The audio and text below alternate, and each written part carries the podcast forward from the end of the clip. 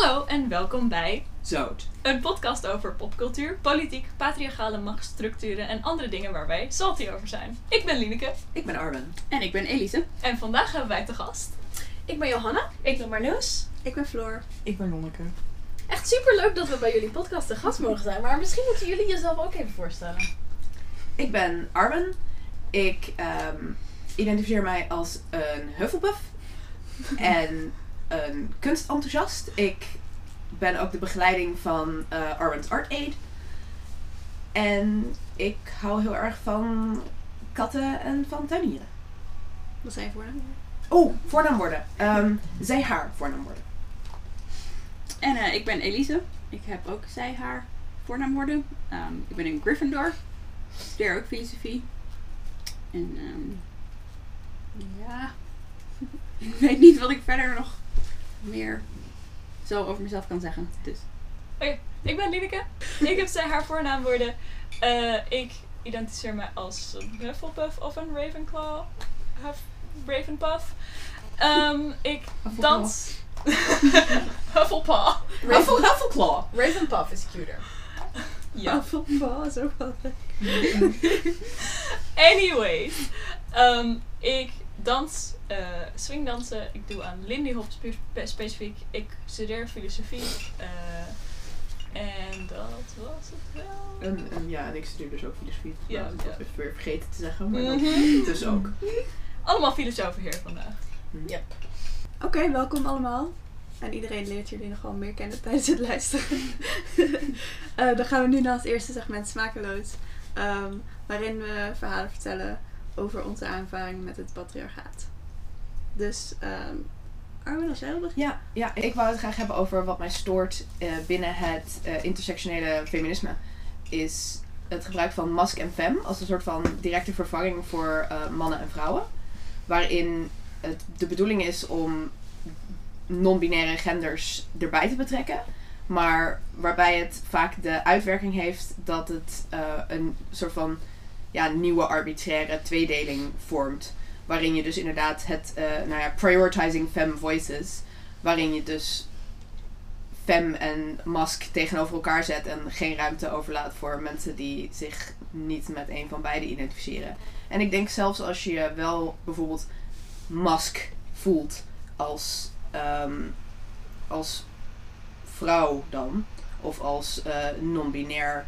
eh, Zelfs als transman. Zelfs als transman, ja. Dan denk ik dat je, dat je alsnog niet bij de groep hoort waar cisgender mannen bij horen. Ja.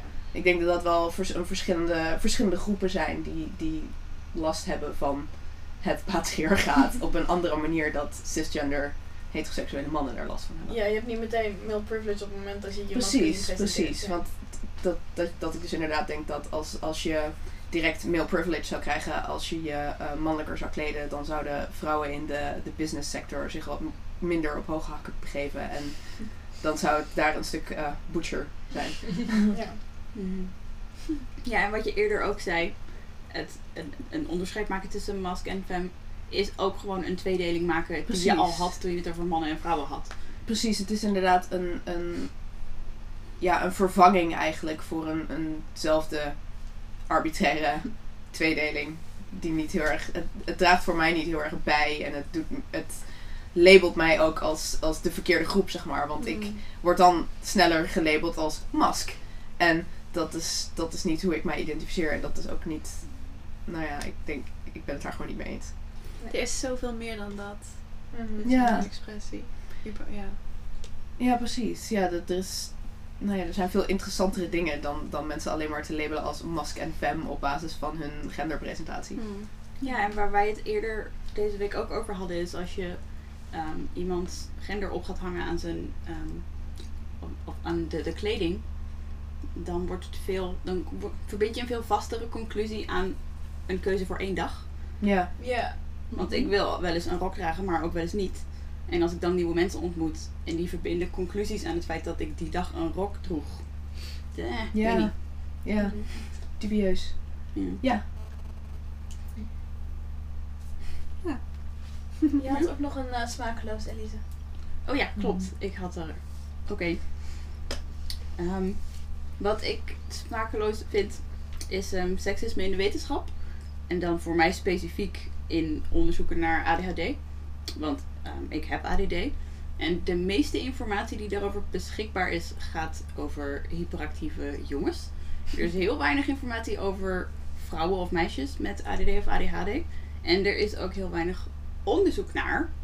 Met daarachter het idee dat vrouwen minder stabiele testpersonen zijn omdat ze een hormooncyclus hebben in plaats van een stabiele hoeveelheid hormonen de hele tijd. Maar er is nu ehm, een van de bekendste onderzoekers op ehm, ADHD-gebied, Sandra Kooi, die heeft de theorie opgesteld dat ehm, de hormonen juist invloed hebben op ADD. Omdat eh, dopamine misschien gereguleerd wordt door oestrogeen. Maar dat wordt niet onderzocht omdat vrouwen niet onderzocht worden. Ja. Juist weer door die hormooncyclus. Dus er is voor mij, maar ik merk ook zelf dat mijn hormooncyclus en mijn ADD-symptomen, ehm, daar zit overlap tussen. En die Ja. hebben invloed op elkaar. Maar er is heel weinig informatie over. Dus ik weet niet hoe Hmm. ik ermee om moet gaan en wat er aan de hand is. En Hmm. dat vind ik stom. Ja, en ook het idee dat vrouwen instabiele testsubjecten zijn van hormonen. Alsof mannen geen hormonen hebben. En dan vrouwen als in, ja, zeg maar AFAB dan, of assigned female at birth.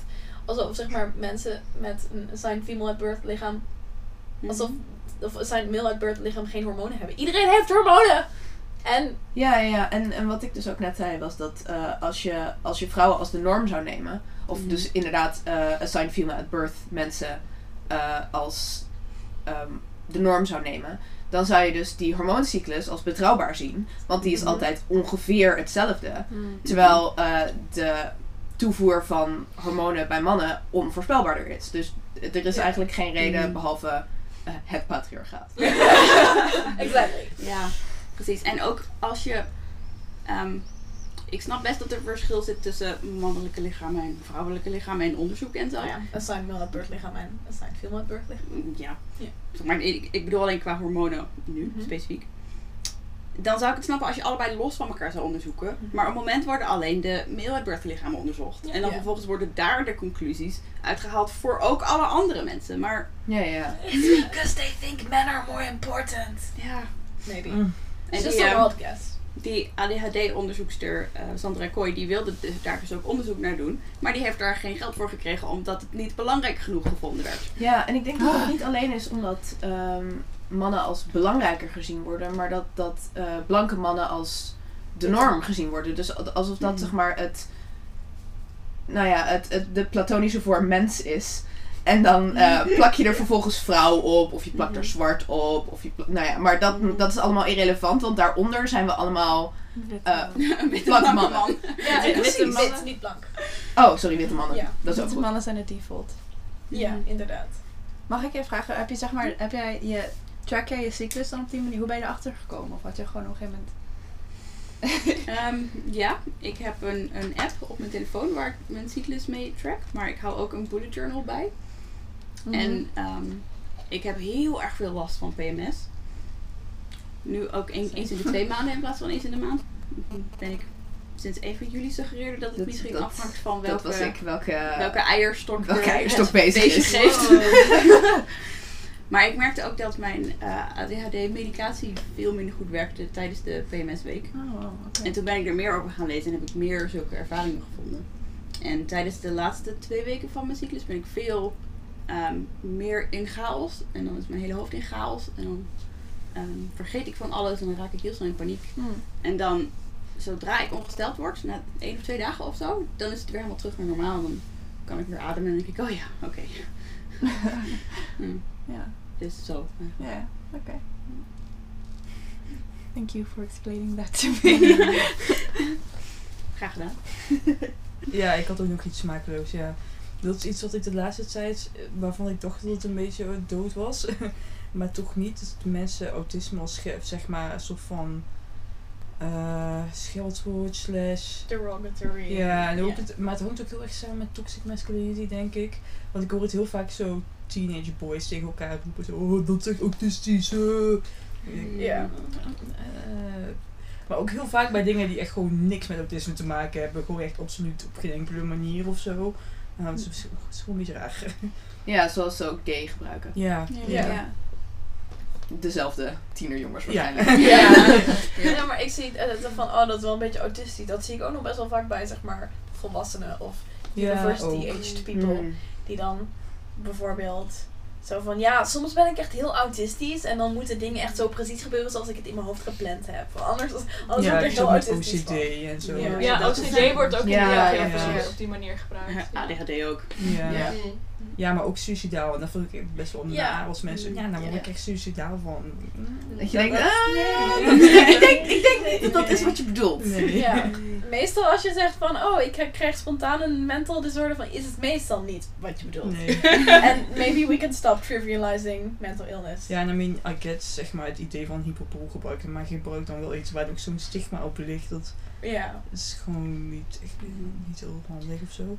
Ja, en ik denk sowieso dat als je een hyperbool, gebru- als je een hyperbool gebruikt die eh, permanent iets waar al een stigma op ligt, Ja, het is zeg maar, nog gestigmatiseerder maakt, Ja, waardoor je dus zeg maar dat hele systeem elke keer Ja. voedt, dan denk ik dat je dat misschien gewoon Ja, niet het is moet Ja, maar het is niet alleen dat het het verder stigmatiseert, maar het trivialiseert het ook. Ja. Dus als je dan, zeg maar, is van, ah, ik, ik word hier echt depressief van, jongens. En als je dan zo zegt van, ja, eh, waarom heb je niet aan het essay kunnen werken? Ja, nee, ik ben depressief. Oh ja, ja, ik ben ook wel eens depressief. Weet je wel? Dus Mm. het, het, het, eh, het woord verliest ook aan betekenis doordat mensen het zo op zo'n triviale manier gebruiken. Maar dit zijn denk ik twee verschillende dingen. Want aan de ene kant heb je de mensen die ehm, op die manier over mental illness praten. Zeggen, oh, maar ik kan me ook niet concentreren. Of, oh, ik was zo depressief.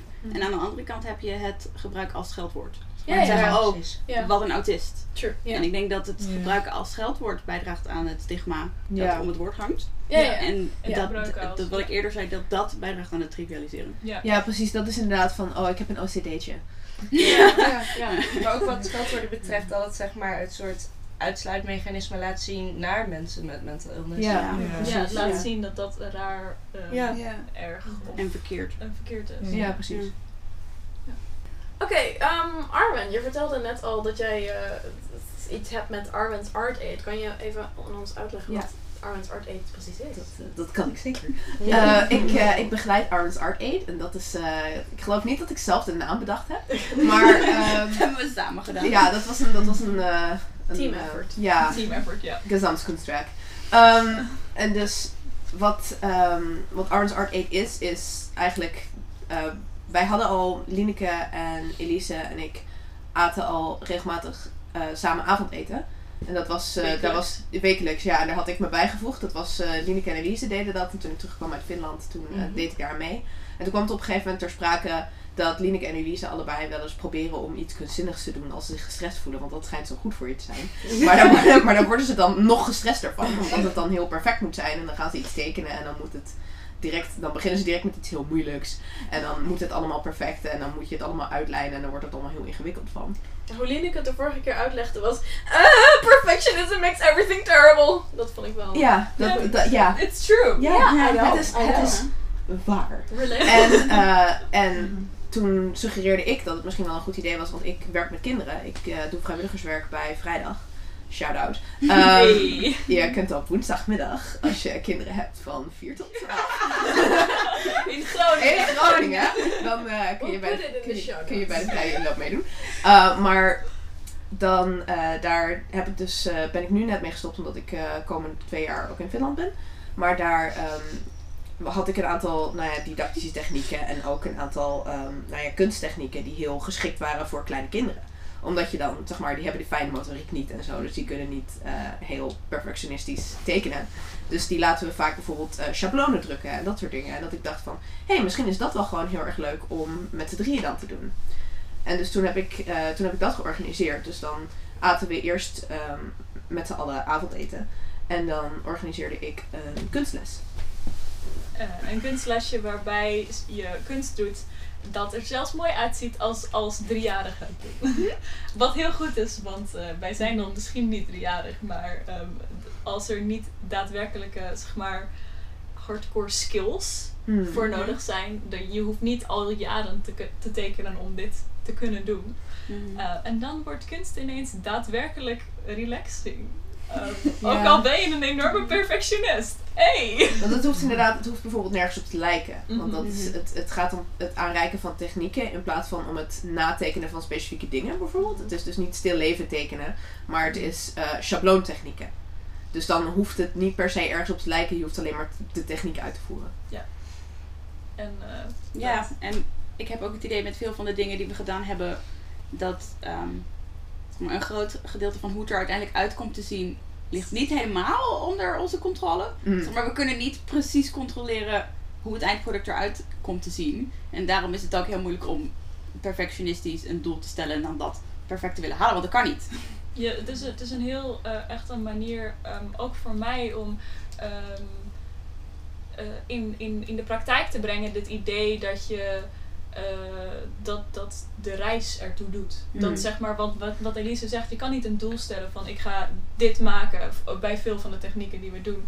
Eh, ik ga dit maken en dan dat moet ik sowieso zo, zo en zo gaan doen. En dat moet er zo uitzien en dan is het perfect. Het is zo van, "Oh, ik ga een beetje met lijm op dit papier klooien. En dan ga ik er zout overheen gooien. En dan ga ik er ecoline overheen druppen. En we zien wel wat er gebeurt. En Spoilers! Ja, ja, experimenteren en het proces is het belangrijkste. ja, Oh maar dit is, dit- en dat klinkt super cheesy. Maar het is, zeg maar, het is cheesy omdat het waar is. Maar dit is dus echt voor mij een, een van de eerste manieren geweest dat ik dat praktisch kon doen. En dat heeft het ook voor, ik merk zeg maar sinds, we doen het nu in een jaar is ongeveer. Ja, ongeveer. Ehm, sinds september, dacht ik, of oktober. Ja? Ja, oktober denk ik. Ehm, en ik merk echt in mijn, mijn dagelijks leven dat ik ehm, deze mindset gewoon beter kan inzetten in andere dingen behalve Arts Art Aid. En dat, daar heeft dus dat praktijk, dit, dit in de praktijk doen, heeft het er heel erg mee geholpen. Ja, want wat ook het ding is, is dat er dus niet één perfecte manier is om het kunstwerk te maken. Eh, Het mag op allerlei manieren. En dat, ehm, want normaal gesproken heb ik heel veel moeite met beginnen. Want ik denk, ja, maar wat als ik het niet goed doe, of wat als ik een fout maak, of wat als dit niet de beste manier is om het aan te pakken. Maar dat kan niet nu, want er is niet een verkeerde manier om het aan te pakken. En dat helpt mij ook om ehm, met andere dingen gewoon eens iets te gaan doen. Wat voor andere dingen? sorry, ik moet harder praten. Wordt me vaak verteld voor de podcast. Dus I'm trying, I'm sorry. Ja, ik merk het het duidelijkst in de ehm, groepstherapie die ik doe. Ik doe een eh, physical focused therapy groep.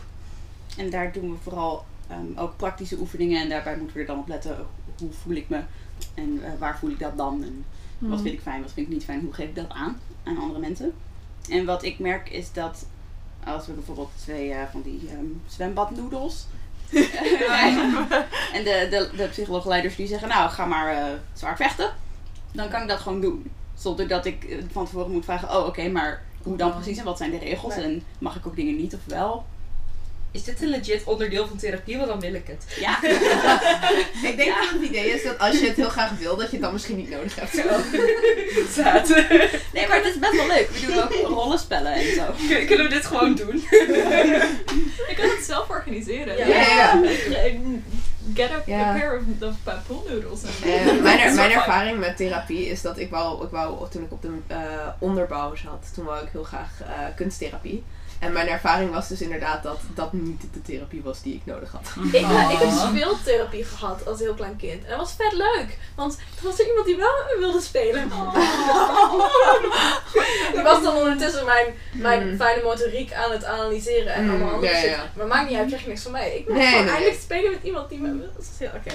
Aw. Anyway, genoeg over mijn tragische verleden. Um, maar wij hebben het, eh, ja, de, de, de grote eer en het immense privilege gehad om een, eh een Armen's Art Aid bij te wonen vandaag. Hmm.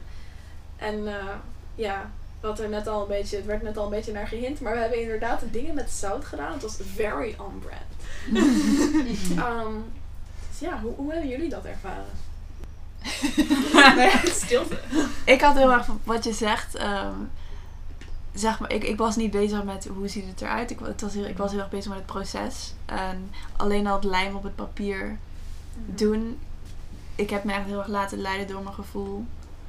En niet door, door het eindresultaat, zeg maar. Ook omdat het een techniek was die ik nog niet kende of iets wat ik nog niet het was echt uitproberen. En ehm, daardoor voelde het ook een beetje nog als oefenen. En het hoeft ook niet meteen eruit te zien, want ik heb geen idee hoe het hoort. En dat vond ik ook wel grappig. Of dat, daar heb je, het, eh, heb je verteld waarom je zelf niet meedoet. Dat je geeft Mm. zeg maar een opdracht, je legt uit wat wij gaan doen en dan doe je zelf niet mee. Omdat we anders naar jou gaan kijken van hoe het moet. Ja, precies. En ik merkte dat ik dat inderdaad niet deed. Het was iets Mhm. heel nieuws. Ik kende het niet en ik, de, er waren geen richtlijnen, zeg maar. En dat vond ik heel fijn. Ik vond het heel fijn om enorme hoeveelheden zout te strooien. Spread it. It's our favorite. En sowieso, het was een techniek waar we zeg maar dus lijnen moesten tekenen met lijm. Daar zout op strooien en dan eh, weer eraf halen. Maar dan op de lijnen blijft het zout zitten. En dan op het zout ecoline druppen. En het was ook gewoon heel meditatief of zo bijna om te zien hoe dat zich verspreidde over het zout heen. Ja. Het was echt heel leuk om mee bezig te zijn. Ja. Ja. Ja, en het, het was ook een beetje zo, iedereen was zo zijn eigen soort van techniek aan het vinden. Want je merkt al van, oeh, als je nou heel veel water erbij doet, dan krijg je een beetje pastel-effect. En ja, dat gewoon inderdaad, om, je kon dan echt zo zien hoe die, dat, die ecoline zo zich verspreidt over het zout. Ja. En ja, ik voelde me ook gewoon een beetje een kind die zeg maar aan het kliederen is. Mm. Met, met verf en, en zout. En het was inderdaad heel erg rustgevend. En I am a very anxious person. Dus als ik iets rustgevend vind, dan zegt dat iets. Mm. Ja, het is ook een vorm van spel. Ja. Ja. Ja. En wat ook steeds wat Lineke en ik ook wel heel erg geleerd hebben, is om niet onze resultaten te vergelijken. En dan te Mhm. bepalen wat mooier of beter is. Ja. Want ik weet wel, de eerste paar keer had ik daar best wel veel moeite mee. Mijn allereerste kunstwerk vond ik niet mooi. Ik vond dat die van Lineke wel mooi was. dus ik vond dat ik het verkeerd had gedaan. Maar nu, ehm, we gaan, zodra Arwen heeft uitgelegd wat we gaan doen, gaan we gewoon allebei ons eigen ding doen. En dan na een tijdje denk ik, oh, wat is Lineke eigenlijk aan het doen? Ja.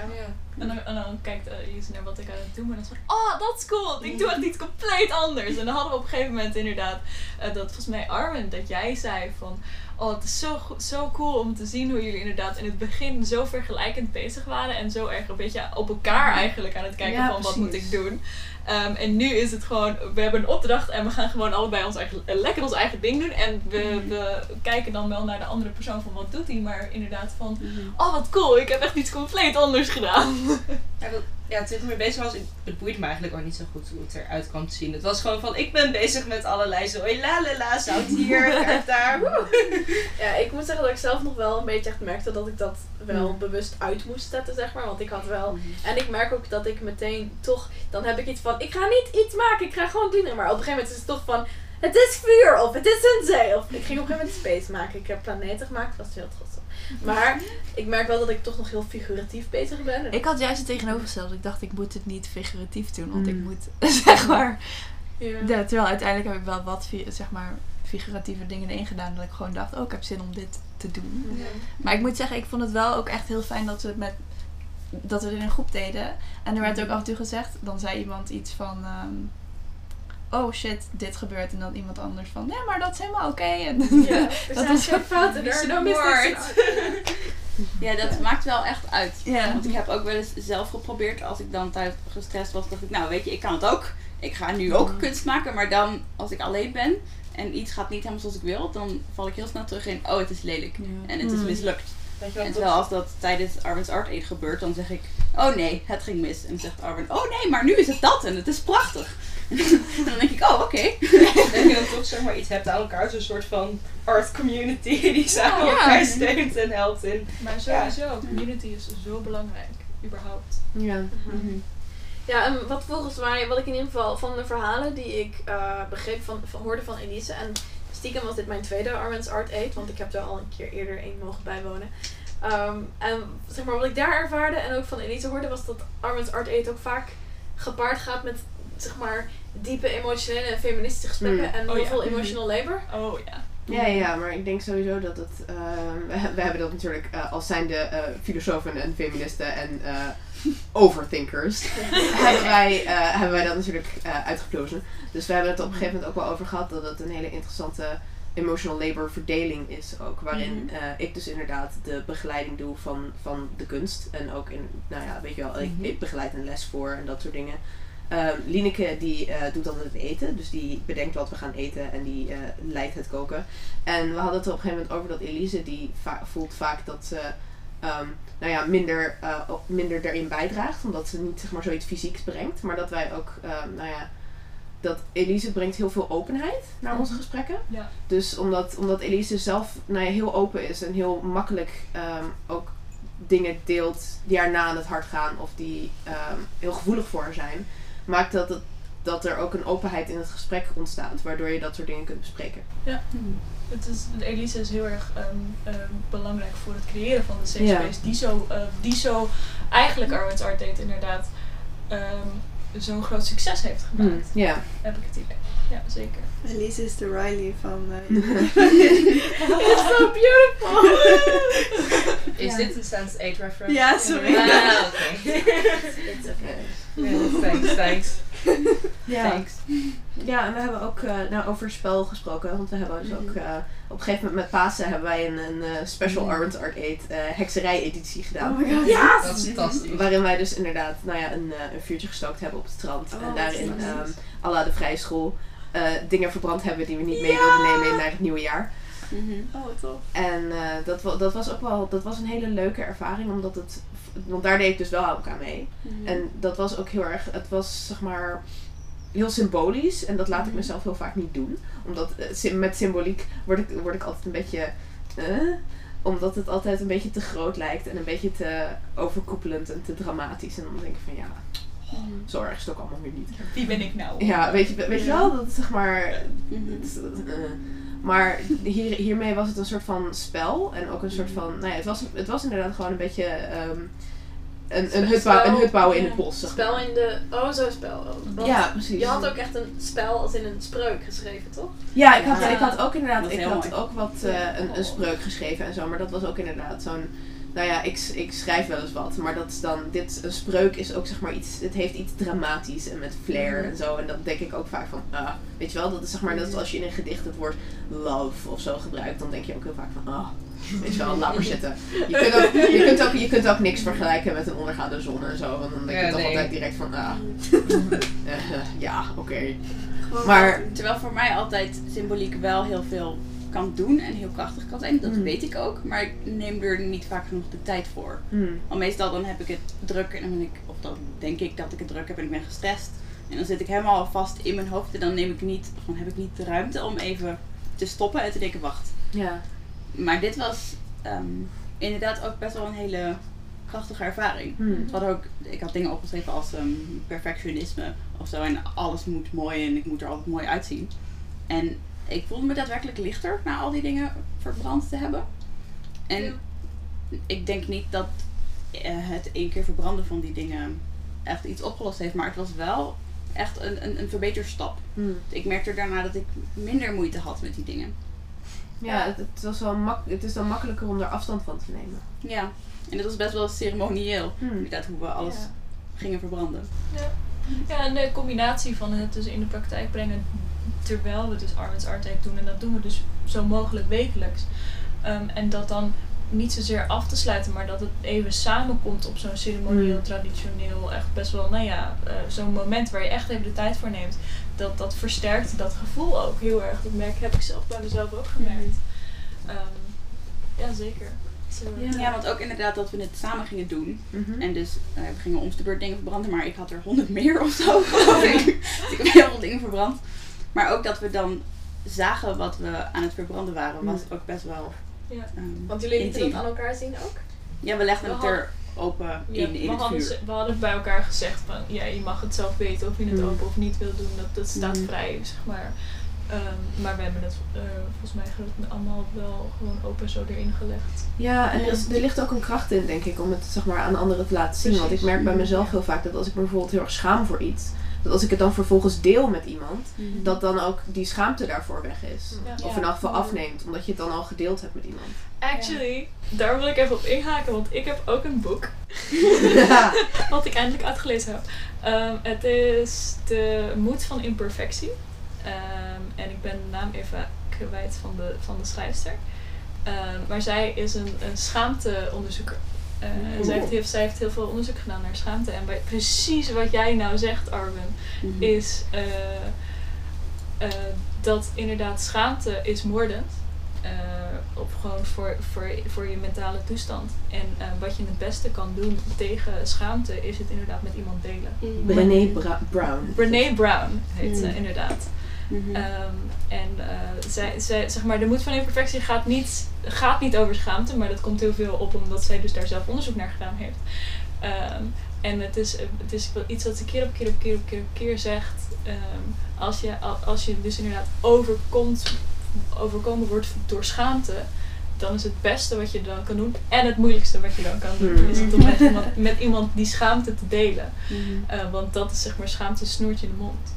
Maar in dat opzicht kun je denk ik toch best wel concluderen dat dat soort rituelen juist niet alleen maar symbolisch zijn, Mhm. maar dat aan dat hele, ja, aan dat hele ceremonieel inherent is dat ook daadwerkelijk iets verandert in de zin Ja, dat de band tussen jou en de mensen met wie je dat doet, eh, ja, verandert. Ja, want Ja, ook zeker. inderdaad het feit dat we al die dingen samen verbranden, was voor mij ook een teken dat maar ik niet in mijn eentje die problemen op hoefde te lossen. Ja. Want Ja, we verbranden precies. het allemaal met z'n drieën. Dat zeg maar die band hechter wordt en jij als persoon wordt daar sterker van. Dat klinkt heel zweverig, maar oké. Maar, ik, Nee, maar ja, ik ben dol op zweef. Zweven, oké, is helemaal eh, welkom hier. Rap gestemd. Maar eh, ja, dat het in dat opzicht wel daadwerkelijk iets doet voor jou en de mensen om je heen en voor jou als persoon. Ja, ja, maar ik ben Ja. sowieso tot de conclusie gekomen, want ik heb natuurlijk, ik heb dus inderdaad op de vrije school gezeten. En dat ehm daarnaar terugkijkend, dat al die rituelen die je daar hebt, dat die wel echt bijdragen aan wat voor school het is en wat voor gezamenlijkheid en samenhorigheid je op Ja. zo'n school hebt. Absoluut. Ik mis nog steeds het uh, Sint-Jansfeest. Ja. Ja. Met, met, zeg maar, het over het vuur springen. Ja. Want dat, was, dat voelde ook wel echt altijd als een heel erg symbolisch ritueel. Ja, mijn precies. ouders hebben dat gedaan. Zij, mijn ouders zijn drie jaar geleden getrouwd, toen ze 25 jaar samen waren. Maar goed, ik ben, ja, nou ja, huwelijk ben ik niet per se heel fan van, maar van mijn ouders. ik ben, nou ja, in ieder geval, in die context vind ik nog wel iets hebben. Maar ze hebben dus met hun ehm, bruiloft, hebben ze s'avonds een vuurtje gemaakt. En hebben ze iedereen gevraagd om met iemand of alleen over dat vuur te springen. Oh, wow. Om, zeg maar, Mm. ja. Dus ze, zijn, ze gingen dus ook samen als eerste eroverheen. En dat vond ik wel echt iets Ja, heel ja, moois hebben. Ja. Ja, want het, het symboliseert zo'n transitieperiode. Ja, precies. Ja. Oké, dat wilde ik echt net Mm. vragen van. Ik heb Ja, het gemist. ik ook. Ja, de- ook, het is een, een transitieperiode. Het is inderdaad eh, met midzomer. Mhm. Dus, ehm, en dan, nou ja, alle, alle kinderen van een bepaalde leeftijd mogen dan over het vuur springen. Dus het Oh, is ja, een van... iedereen. Ah. Ja, het is maar niet kleine kindjes. Ja, maar niet, de- maar- wij, wij hadden een, een leeftijd vanaf, vanaf waar het mocht. Oké. Ik weet niet of wij dat hadden. Maar- volgens mij ook. Maar zeg maar, eh, je zegt van het, het symboliseert transitieperiode, maar ik denk ook dat een deel van de kracht van dit soort symboliek ook is dat je jezelf kan bepalen wat het voor jou betekent. Ja, ja, ja, maar ik bedoel... Zeker. het- Zeg maar, het, het betekent, het, het, wat, er wordt niet ehm, eh, vastgesteld wat de transitie is, zeg maar. Mhm.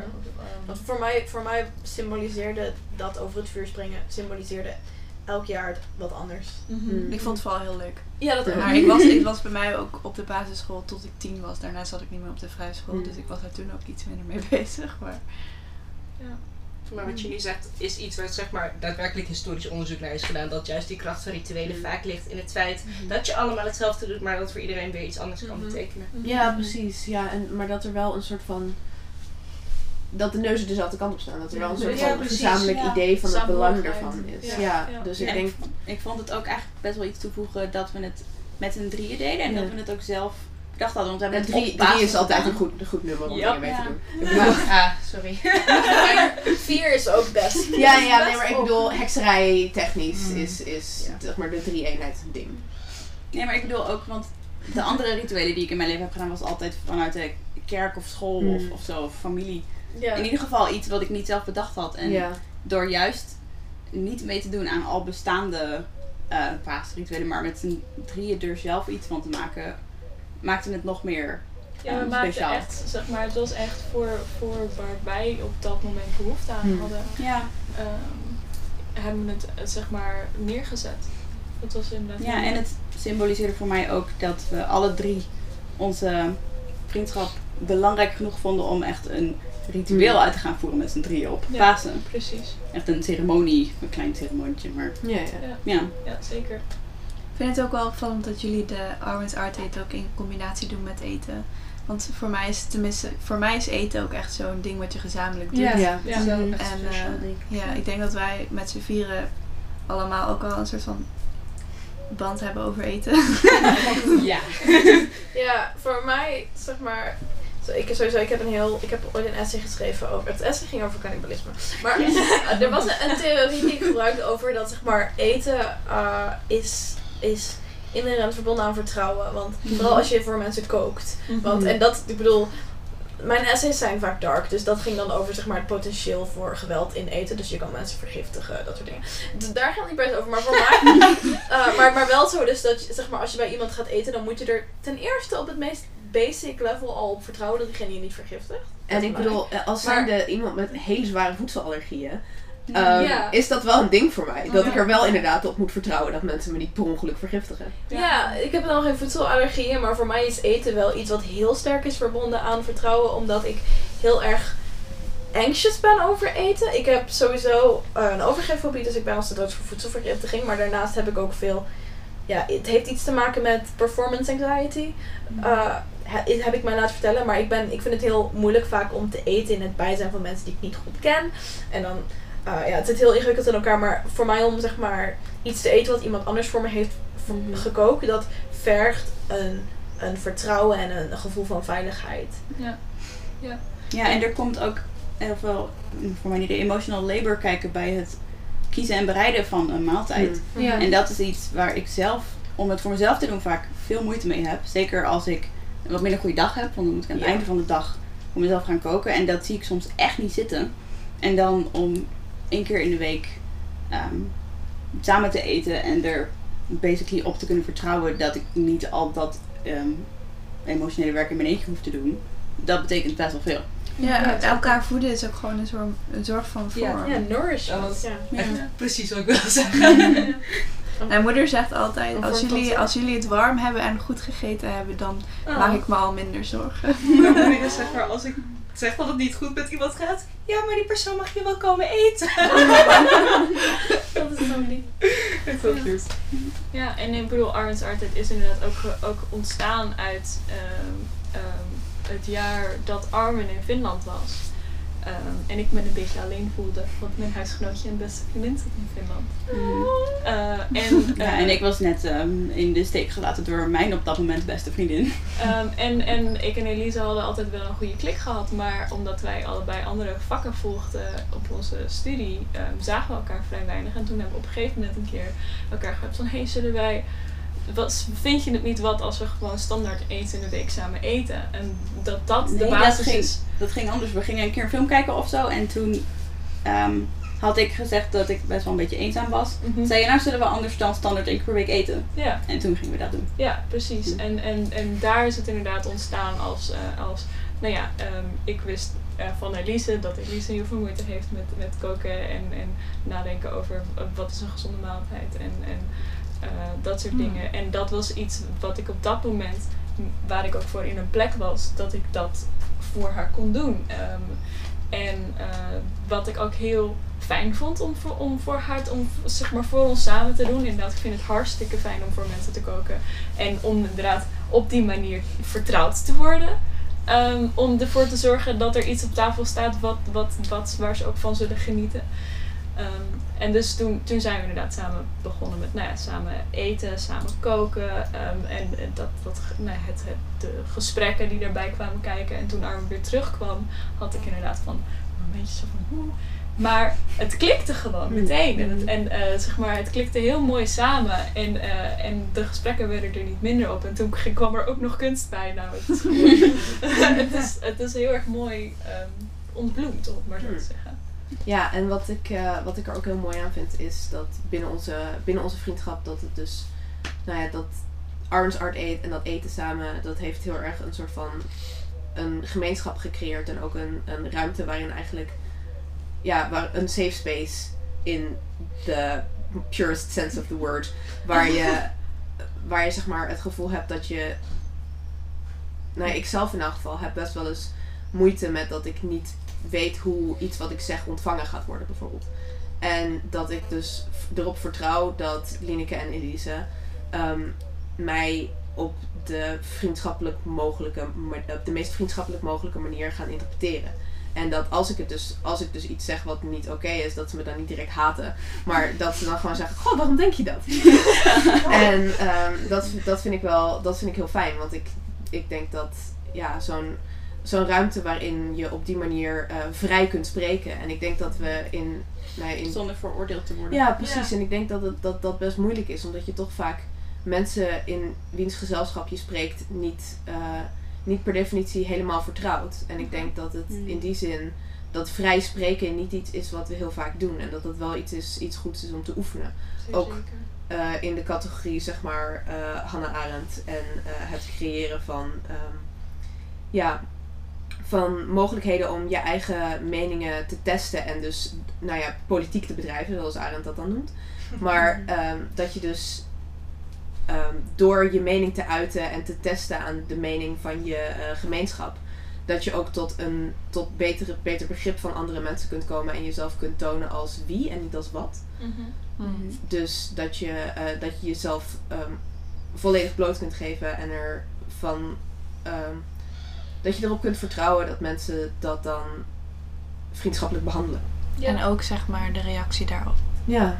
van Ja. allebei. Zelfs, maar zelfs, want ik bedoel, wij kennen jullie allemaal niet zo, tenminste ik ken Elise heel goed, maar ik ken jullie niet zo heel Mhm. goed, dus ik zou niet zeggen dat ik me helemaal bloot kan geven. Mhm. Maar zelfs ik ervaarde in Arwen's Art Aid een, een veilige plek in de zin dat ik veilig was van mijn eigen perfectionisme Mm. en veilig van mijn eigen control freak tendencies Mm. en dat ik bepaalde destructieve eh, gedachtepatronen die ik normaal gesproken heb als ik iets aan het creëren ben, die kon ik. Het was bijna alsof het zeg maar het dat, dat control, dat gevoel van Mhm. controle, dat nam jij een beetje van me over. Hm. Waardoor het zo van was van, oh, ik hoef niet in charge te zijn. Ik mag gewoon kliederen als een kind. En Ja, je kunt het zeg maar een soort van loslaten en steunen op de anderen. Het is een soort van ja, Ken, je van die, van die, ehm, van die cirkels waarbij je zo'n zo'n soort van, ehm, wat is dat, kinetisch experiment of zo, waarbij alles op elkaar leunt? Mhm. En dat het dan, het blijft allemaal op elkaar staan. Niet omdat één iemand het overeind houdt, maar omdat het allemaal op elkaar steunt. En omdat het dan in een cirkel staat, blijft het op elkaar hangen. je zegt dat je niet van symbolisme houdt, maar dat is echt een heel, een hele Nee. mooie. Nee, ik ben, ik ben dol op metaforen. Ja, Maar ik ben eh, ritu- ritualistische symboliek. right, oké. Dat- daar- zeg maar, ik hou er wel van. Maar ik vind het vaak een beetje, eh, ik, ik, ik, durf, het niet- ik durf het niet zo goed aan. Right, oké. Oh ja, wat misschien, wat ik eigenlijk ook nog wil zeggen is dat je voor Arben's Art Aid niet per se een Arben nodig hebt. Maar het is beter met een Arben. Oh, nee, dat, is zeker, dat is met zeker waar. Nee, het Maar ik bedoel, andere mensen kunnen je- dit ook doen. Ja, precies. Het is ook echt iets wat we, wat we ook aanmoedigen dat mensen inderdaad in hun eigen cirkel ook doen. Dat je als je met z'n allen kunst maakt, je kunt gewoon, het is eigenlijk, eigenlijk niet zo heel moeilijk. Want je kunt gewoon op Pinterest kun je allerlei kinderknutsels vinden. en als je gewoon met een, met een leuke groep mensen kinderknutsels gaat maken, dan ben je al heel eind onderweg. Voor- Even voor de, voor de kijker thuis, voor de luisteraar thuis. Hoe, hoe, eh, hoe zou een, een leek die kinderknutsels vinden? Wat zijn wat zoektermen bijvoorbeeld? Ehm, ja, het, het is inderdaad. Het, ik merk wel bij mezelf dat het, het vraagt wel een bepaald soort eh kijk ernaar. Mhm. Want niet alle Mhm. kinderknutsels zijn per definitie ehm, toepasbaar voor zeg maar anti-perfectionisme kunst. Ja. Maar ehm, het, het gaat heel vaak als je iets vindt wat een techniek is. En dus niet een, eh, een stappenplan van hoe maak je iets, Mhm. maar een techniek van hey, als je, ehm, als je een schabloon uitknipt en je maakt een, je maakt een achtergrond met, eh, door in te rollen en dan kun je er een schabloon op leggen en dan kun je zo schablonen rollen. Dat soort dingen, dat, Of je gooit inkt op een papier en je pakt rietjes en je gaat ja, precies. Ja, ja, ja. Dat, dat soort technieken, dat is waar je, dat is waar je naar moet zoeken. Dat, dat soort ehm, dingen die niet een stappenplan zijn van zo maak je dit specifieke ding. Maar een, ehm, dingen die een, ehm, een techniek aanreiken waarin je dus zelf creatief kunt zijn. En dan zoek je gewoon op kinderknutsels. Ja, of zo. kinderknutsels of eh, weet je wel, eh, autumn craft, zoiets. Ja. Want Als je het woord craft gebruikt, dan vind je ook heel vaak dingen die je met kinderen kunt doen. Oké. Oké. Omdat we een arts and craft division hebben. En daar ben ik geen fan van verder, maar het helpt op Pinterest wel. Oké, om, het, om het even af te sluiten. Ehm, voor de laatste luisteraar thuis. Wij, zet, wij moedigen Arwen heel erg aan om haar eigen Arwen's Art Aid boek te schrijven. Ja, doe het niet. Doe het niet. I would like to pre-order six. Ok. Dus I shall work on this. tot nadere orde ehm, Mm. kan je dingen op Pinterest vinden, maar hopelijk in de toekomst. Ja, ik, Ja. Zal, eh, ik zal even voor, ook wat, wat ehm, voorbeeldjes alvast voor jullie show notes. eh, Yes! Oh, fantastisch. Held. Oké. Dankjewel. Ja. Dank jullie wel. Ja, dank voor de... Ja, bedankt dat we te Ja, gast mochten zijn. Echt wat leuk. Ja, het, was, het was hartstikke gezellig. Ja, erg ja. welkom eh, om nog een keer terug te komen. Ja, dankjewel. Het was een zout Owens Art date uitwisseling. Ja. ja. Eh, Salty art en artsy salt. Amazing, amazing.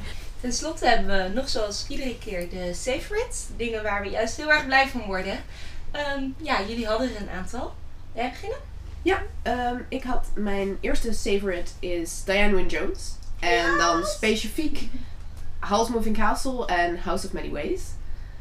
En het, wat ik met name heel charmant vind aan het schrijven van Diane Wynne Jones en ook specifiek aan deze boeken is dat het een eh, vrouwelijk hoofdpersonage heeft die niet per se leuk en lief is. Want ze zijn allebei ehm, Rude. ja, heel, heel onbeleefd en heel bazig. En eigenlijk, zeg maar, als je ze als persoon zou moeten, zouden ze niet per se leuk zijn. En ik vind het heel belangrijk dat er vrouwelijke personages zijn die ook niet per se alleen maar leuk en lief zijn. Maar dat vrouwen ook, zeg maar, een vol spectrum aan menselijke emoties kunnen voelen. en dat ze soms ook gewoon niet zo leuk en lief zijn. My name is Johanna Meulenberg and I endorse this message. Ik wou er nog aan toevoegen, want same. Ehm, ik luister altijd en eeuwig naar House Moving Castle, het audioboek, als ik mij anxious of gestrest of wat dan ook voel. Want dan moet ik gewoon mijn inner Sophie Hatter gaan channelen. Just gi- give no shit, take no hostages. Exactly. Ik heb ook intens veel gevoelens over Hal en hoe queer hij stiekem is en hoe femme en androgynous en I love him so much. but also I also love Sophie. It's just they're just great. Everything is great. Read it. Ja. Ja, or listen. The audiobook is on YouTube. Really? It is. There you And it's go. very, it's very good. Nice. It has actual Welsh howl. So good. actual Welsh howl. Howl is Welsh. Yes! Zijn de personages door andere opgenomen door andere? Oh, oké. Nee. Dus. Het is één, één voorleesstem en ze is geweldig. Oké, hele belangrijke Nice. vraag. Wordt het Welsche stilpanliedje gezongen? Nee, dat helaas. bestaat. Maar je kan het wel online vinden. Ja, het bestaat wel. Ja. Oh my god! Het is een, het is Het is een, gewoon een, een, een folksong. het is een, het is een bestaand. Als je zoekt op Calcifer's uh, like, Saucepan song. saucepan song of zo, zoiets, dan, dan vind je het. Oké, Cool. oké. Ja. Meer liedjes is meer beter. Dat is waar. Er komt een liedje voor in het boek. Yes. Even voor de duidelijkheid. Elise, Eh, ja. ja, is het tijd voor mijn uh, favorite? het is tijd voor jouw denk ik. Ik eh, wil graag nog een keer het boek Come As You Are aanraden. Dat is al gebeurd, maar... Het, van ehm, Emily Nagoski, Ja. hoe je het uitspreekt, geloof ik. En het is... Maar het, het gaat over seksualiteit, of seks en ehm, vrouwen. Maar ehm, het is meer dan dat. Maar het, het is een ontzettend positief feministisch boek. En ik heb er ontzettend veel van geleerd. Niet alleen over seksualiteit, maar definitely ook over seksualiteit. Want ehm, ze gaat dus heel erg in op ehm, hoe werkt het voor vrouwen en niet hoe werkt het voor mannen, dus hoe werkt het voor vrouwen. Echt, nee, de vrouw bestaat los van mannen en werkt ook anders. En, ehm, maar daarnaast gaat ze ook heel erg in op body positivity en mental health en stress. En ze geeft best wel nuttige tips ook voor hoe je met stress om kunt gaan. En ze benadrukt daarbij ook zeg maar de, de lichamelijke aspecten van stress en hoe je er ook op een lichamelijke manier mee om kunt gaan. En het is ook heel grappig om te lezen. Dus, Ja, en, en Elise refereert altijd aan, al heel vriendschappelijk aan Emily. Ja. En aan het boek. En mijn boek. Precies, zonder, zonder dan eh, te definiëren welk boek, omdat wij allemaal al weten welk boek het is. Ja. Ja. want, want voor de record, ik koop nooit boeken, maar ik heb dit boek gekocht. En ik vond het zo goed dat ik een tweede exemplaar heb gekocht, zodat ik dat aan mensen uit kan lenen. Ik vind het echt next level. Uh, Ja. I'm just gonna translate that real quick, zodat ik mensen kan dwingen het te lezen. Aanbevelen. Aanbevelen, ja. Aanbevelen. Aanbevelen. Maar dit moet dus sowieso iedereen lezen, want het is ook sowieso het is de tweede keer dat dit langskomt. Maar Loes Lezer heeft het in de aflevering met haar ook eh, als favorite eh, aangegeven. Dus eh, voel je aangesproken, luisteraar. Apparently Ik voel me uit aangesproken. Hij staat op mijn to-read list. En I'm Ja. ace, so like... There you go. There you go. That's all the endorsement you need. Ja. Ace people recommend sex book. You Talking about things that ace people recommend.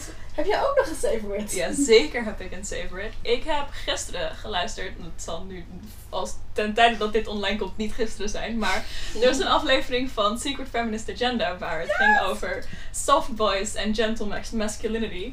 eh, waar een, aan het einde een oproepje werd gedaan um, of mensen hun eigen zeg maar, voorbeelden van soft boys en gentle masculinity in de media naar voren konden brengen. En dit is die van mij. Het is een cartoon. Eh, het heet Steven Universe, ehm, naar de hoofdpersoon van de cartoon.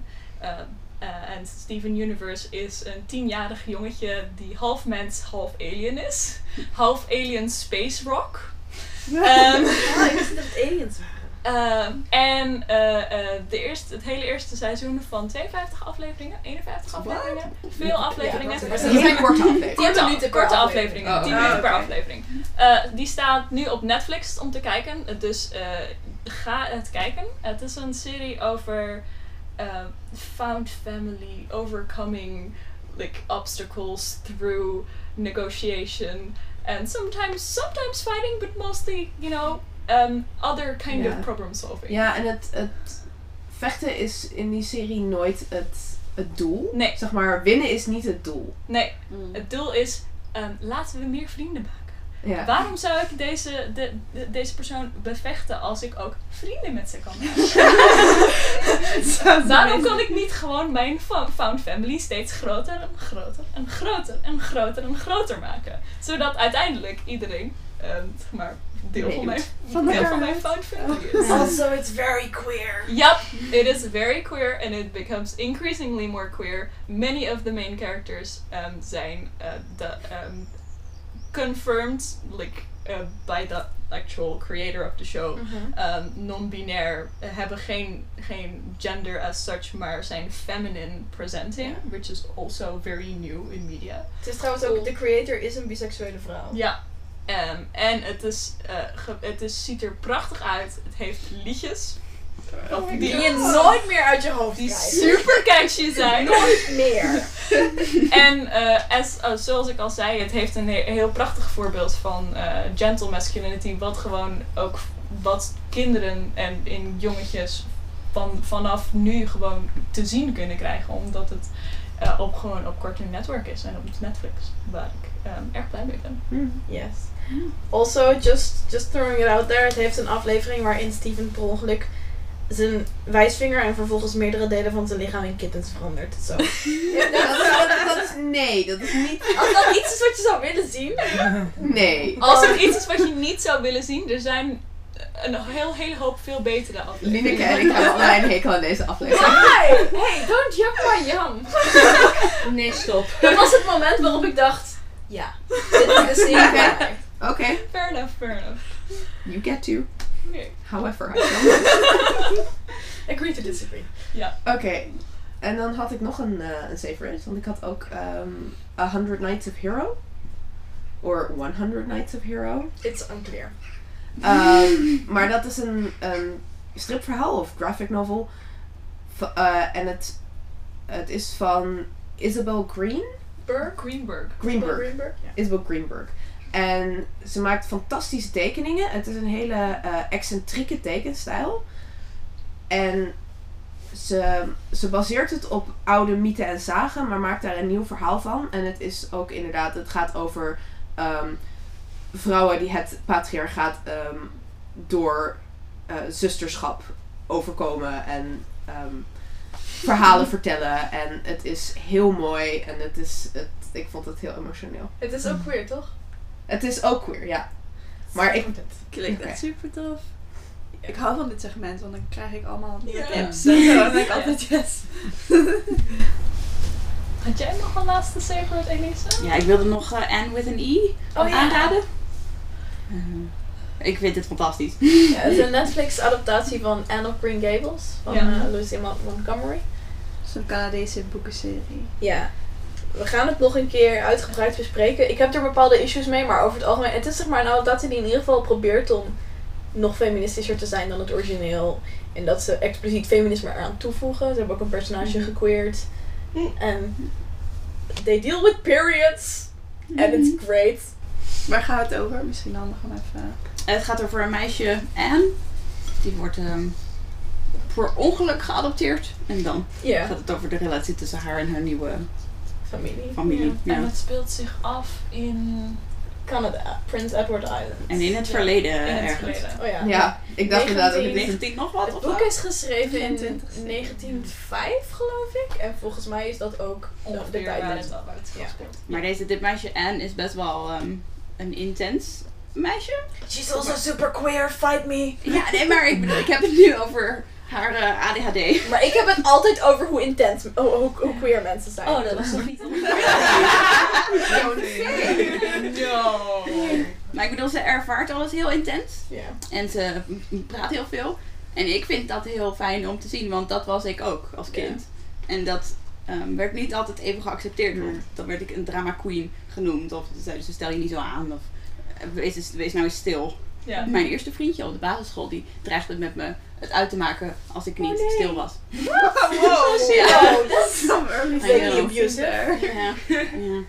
Dus ik vind het leuk om te zien eh, hoe dat niet zo gaat bij Anne. Het boek kan ik ook heel erg aanbevelen. Ik weet, nog, ik weet nog dat eh, toen Elise het voor de eerste keer gezien had en wij daarna een keer hadden afgesproken dat ze echt met enorm twinkelende starry eyes en van Lineke, je begrijpt het niet. Dit was ik. Dit, Anne is me. It's me. Zo, ja, het was, eh, het is een erg goede favorite. Ja. Ja.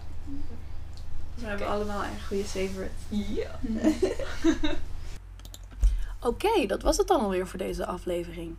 Heel erg bedankt Arwen, Elise en Lineke dat we mochten deelnemen aan jullie fantastische Arwen's Art Aid, maar natuurlijk ook voor al jullie inzichten in deze aflevering. De credits voor onze illustratie gaan naar Veerle Kremes. Je kunt haar vinden op tonsveertje.tumblr.com of tonsveertje.dievriendart.com voor haar fantastische illustraties. Heb je nog op- of aanmerkingen over onze aflevering of misschien over een andere aflevering? Heb je suggesties of wil je gewoon iets bij ons kwijt? Dan kan dat via onze social media. We zijn @zoutpodcast op Facebook, Twitter en Instagram. En je kan ook altijd een mailtje sturen naar zoutpodcast@gmail.com. We zouden het heel fijn vinden als jullie ons kunnen reviewen en raten via iTunes. Dat is zo gedaan, maar dan kunnen mensen ons makkelijker vinden. Dus dat helpt ons heel erg. En natuurlijk vinden we het leuk om jullie reviews te lezen. We hebben nu ook een Patreon. Via Patreon kun je geld aan ons doneren per aflevering die we uploaden, als je dat de moeite waard vindt. Het geld wat we via Patreon ontvangen zal gaan naar het verbeteren van de podcast, bijvoorbeeld in de vorm van de aanschaf van nieuwe en betere apparatuur, het betalen van onze SoundCloud-account en het dekken van reiskosten voor gasten en ook nog andere dingen die alles te maken hebben met het verbeteren van de kwaliteit en de toegankelijkheid van onze podcast. En onze Patreon is patreon com slash zoutpodcast. Eh, de links hiervan komen ook allemaal in de show notes staan, zoals altijd. Heel erg bedankt voor het luisteren en as always, stay salty.